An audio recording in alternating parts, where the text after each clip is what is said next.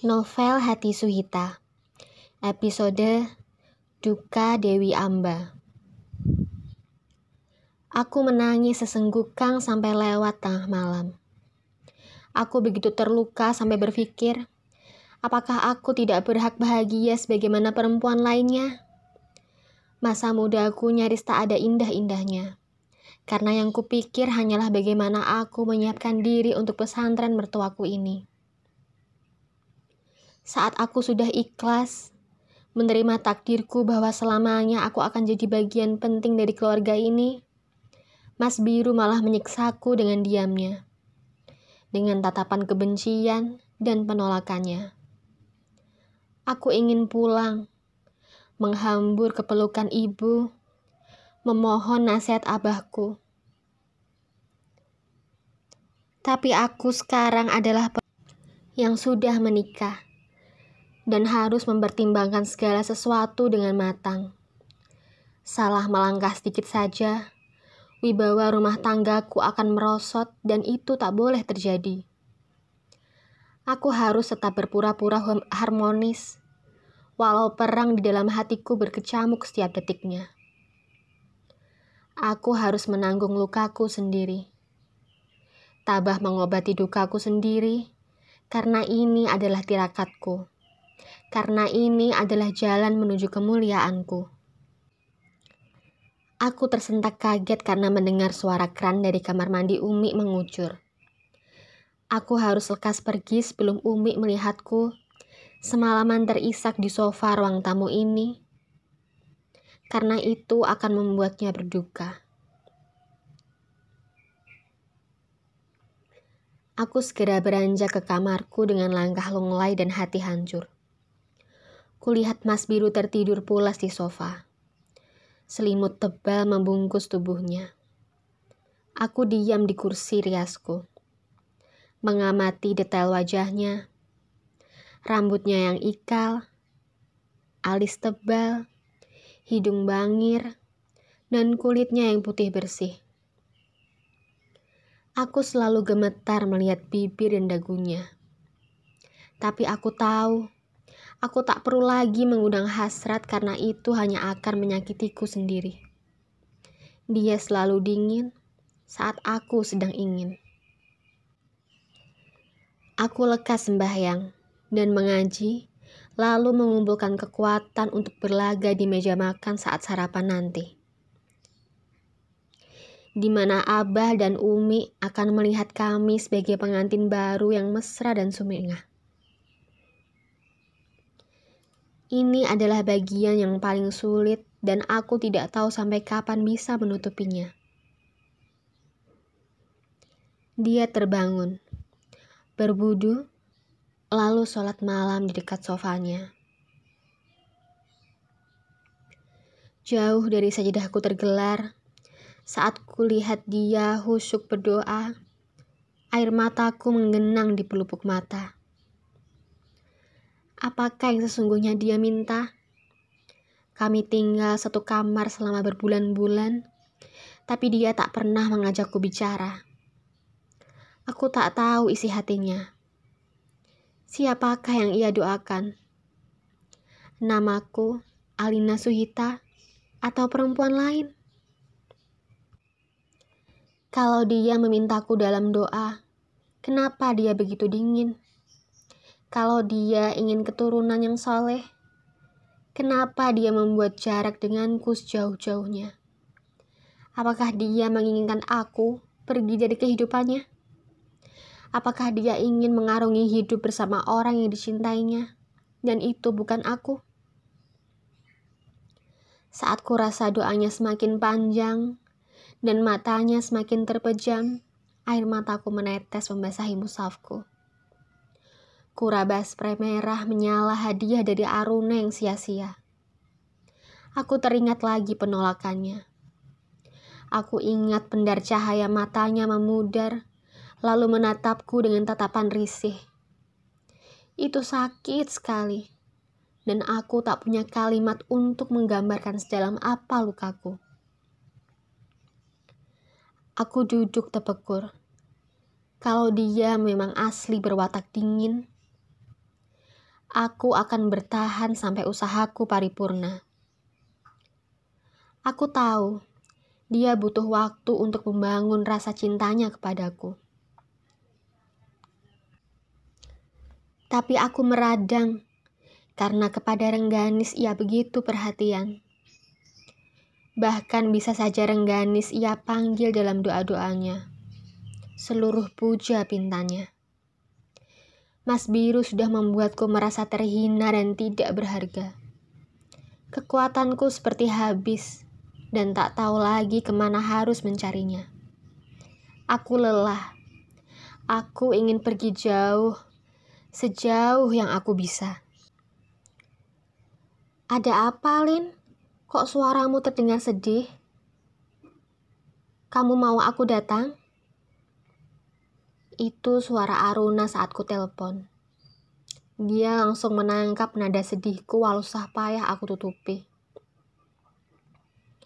Agak siangan gak apa-apa ya, Lin? Soalnya aku lagi cari buku Ruby ini. Dia terkikik sendiri. Dia berhenti bicara karena sadar aku tidak antusias membahas batu ruby lalu berjanji akan segera datang karena khawatir dengan suaraku yang makin parau. Begitulah Aruna, burung perenjakku, Banowatiku, orang yang akan ku minta mencari tahu soal Rengganis. Saat dia datang, ku bilang padanya, Aku ingin dia mengajakku pergi sampai malam. Ia tahu yang harus ia lakukan kalau wajahku sudah kusut masai begitu. Ia bilang ke Umi kalau orang tuanya mengundangku makan malam. Dan Umi membolehkan, karena tahu keluarga kami sudah saling akrab. Aku pamit ke Mas Biru, dan dia hanya mengangguk dengan ekspresi datar, tanpa melirikku. Tak bertanya, tak minta penjelasan. Tak bisakah ia sedikit saja melihatku yang merana? Tak tahukah dia, penolakannya tadi malam membuatku tercabik-cabik dengan luka menganga. Sampai di dalam mobil Aruna, aku menangis meraung-raung. Aku capek bersandiwara. Aku bilang kepada Aruna untuk membawaku pergi jauh. Aku lelah, letih, Aku merasa segala yang kulakukan sia-sia. Aruna membiarkanku menangis tanpa bertanya kenapa. Dialah sahabatku. Dia sangat tahu tangisku tak bisa disela dengan pertanyaan seperti apa pun. Dia hafal. Aku akan memulai ceritaku hanya saat aku menginginkannya. Dia cuma bisa memandangku dengan tatapan sedih. Run, iya Lin. Gak pantas kalau namaku Suhita. Aku putus asa. Aruna membisu. Menyentuh pundakku. Ia tak bisa mengatakan apa-apa. Ia ingin bertanya tapi memilih diam karena air mataku mengucur begitu derasnya. Sejurus kemudian, kulihat Mas Biru berlari kecil memasuki pajero putihnya. Ia menyetir sambil menelpon dan terlihat sangat bahagia. Aku tergugu melihat dia sangat tak peduli. Bahkan dengan pesantren ini sekalipun. Ia sungguh-sungguh sibuk dengan urusannya sendiri. Dia menyerahkan segala urusan di sini kepadaku tanpa pernah bertanya apa yang sebenarnya aku ingin. Aku terseduh, mengingat hasratku yang memuncak tadi malam lalu dia mematikannya tanpa perasaan. Dia tak tahu tak ada manusia yang benar-benar rela dihancur leburkan harga dirinya. Mas Biru tidak tahu ketika dia melemahkan orang lain, artinya dia membiarkan orang lain menyadari kekuatannya. Dia tidak tahu kepada Resi Drona yang terpenggal di padang Kurusetra adalah perbuatan Rista Jumna yang di dalam tubuhnya menitis dendam Ekalaya. Dia tidak tahu. Sikapnya tadi malam sudah menyeretku ke dalam lembah nestapa. Mas Biru tidak tahu dendam perempuan yang terluka bisa begitu dahsyat. Dia tidak tahu bahwa Bisma yang tak terkalahkan oleh siapa pun bisa sampai meregang nyawa di padang Kurusetra karena panah harus sangkali waras Rikandi yang disusupi roh Dewi Amba, lengkap dengan kesumatnya kepada Bisma. Mas Biru tidak tahu. Aku pun bisa seperti Eka Laya dan Dewi Amba. Perlakuannya tadi malam kepadaku, di ambang hasratku, justru membuatku menyadari aku punya kekuatan tersembunyi. Aku tahu, kelak jika dia melampaui batasku, dia akan bernasib sama dengan Residrona dan Bisma. Setidaknya, aku bisa saja pamit pergi dan membuat dia merana karena ketidakanku. Run, bawa aku ke makam Mbah Kiai Ageng Hasan Besari.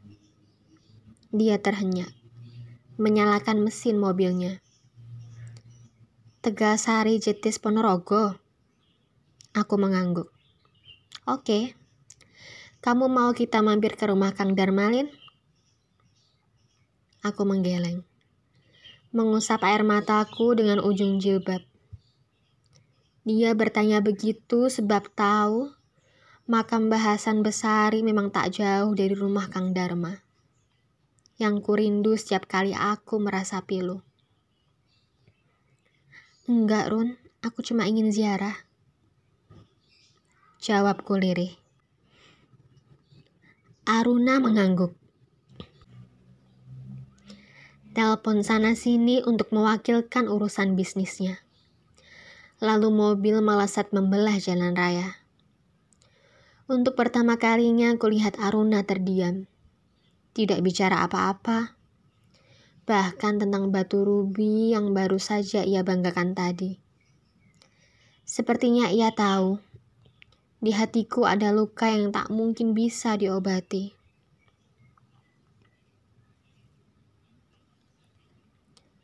Aruna menggandeng tanganku melewati tempat parkir. Melewati gapura hijau bertuliskan nama Ki Ageng Hasan Besari.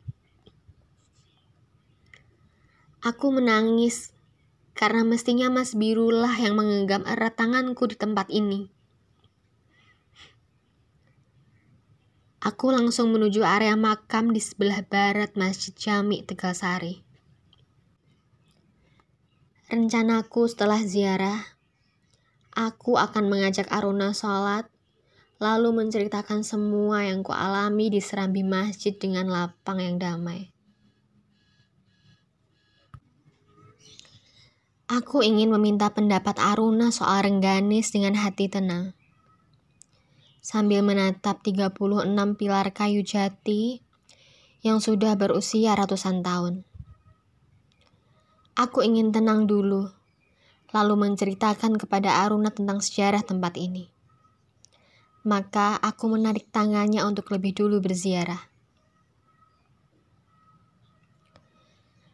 Aku menatap gapura masuk berbentuk padu raksa dengan hati haru. Kupikir setelah menikah aku akan berhasil mengajak suamiku ke sini, lalu kami berdoa dengan sungguh-sungguh untuk pesantren dan keturunan kami. Tapi Mas Biru terus melanggengkan dinginnya.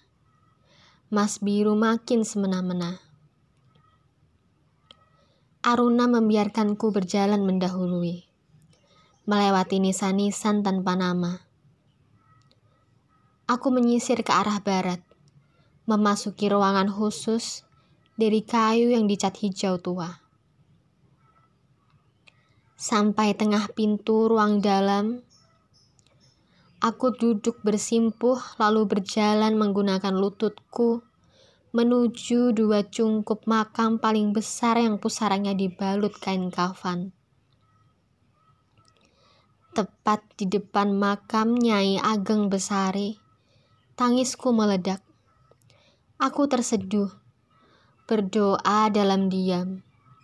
Ingat perjuanganku, ingat lukaku, ingat perlakuan Mas Biru. Aku berdoa dalam tangis, lama sekali, sampai kurasa air mataku tak tersisa lagi. Saat doa dan tangisku berakhir, aku berjalan mundur memakai lututku. Aku kaget karena di belakangku, Kang Dharma duduk bersila berdoa sambil memejamkan mata. Aku berdebar. Ia begitu tenang. Hatiku bergetar. Ia membuka mata, menatapku. Ia datang tepat pada saat aku kehilangan seluruh daya dan kekuatanku untuk bertahan dalam rasa sakitku. Aku menunduk. Tak tahu harus menatap lekat cincin pernikahan yang tersemat di jari manisku. Aku tak berani menatap matanya yang tenang seperti telaga.